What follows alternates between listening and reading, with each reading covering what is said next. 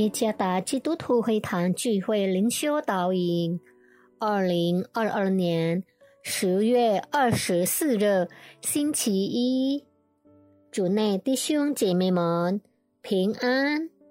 今天的灵修导引，我们会借着圣经约翰一书第二章第十五到十七节来思想今天的主题。主耶稣的命令还是世界的命令？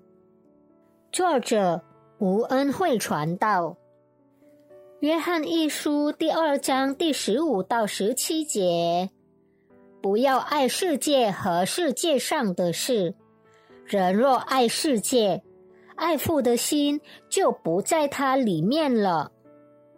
因为凡世界上的事，就像肉体的情欲。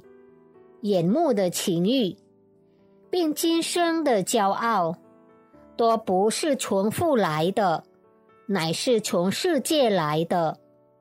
这世界和其上的情欲都要过去，唯独遵行神旨意的，是永远长存。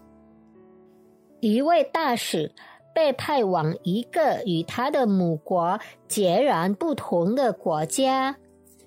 几个月来，他必须适应那里的语言和文化。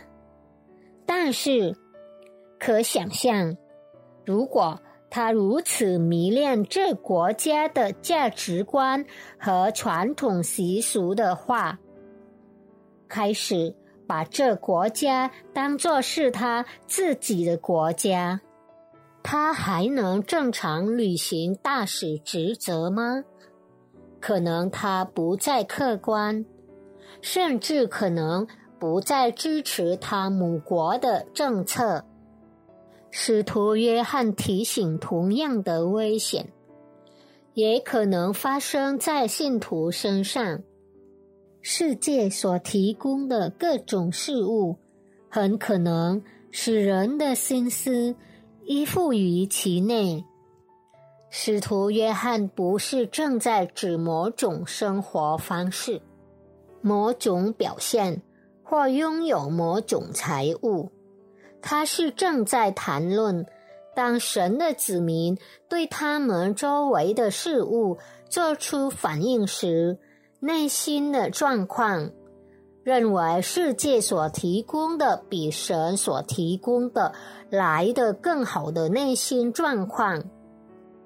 只要我们还活在这世界上，享受神所提供的美好事物，例如音乐、电影、技术、服装、职位或其他等等，并没有错。但当这一切都开始成为我们幸福的要求和方向时，那就错了。十六节清楚的说，肉体的情欲、眼目的情欲，并今生的骄傲，全都世界上的事。如果我们更爱这些，我们就会受制于他。但那些遵行神旨意的人，将永远长存。你现在是在遵行神的命令，还是世界的命令？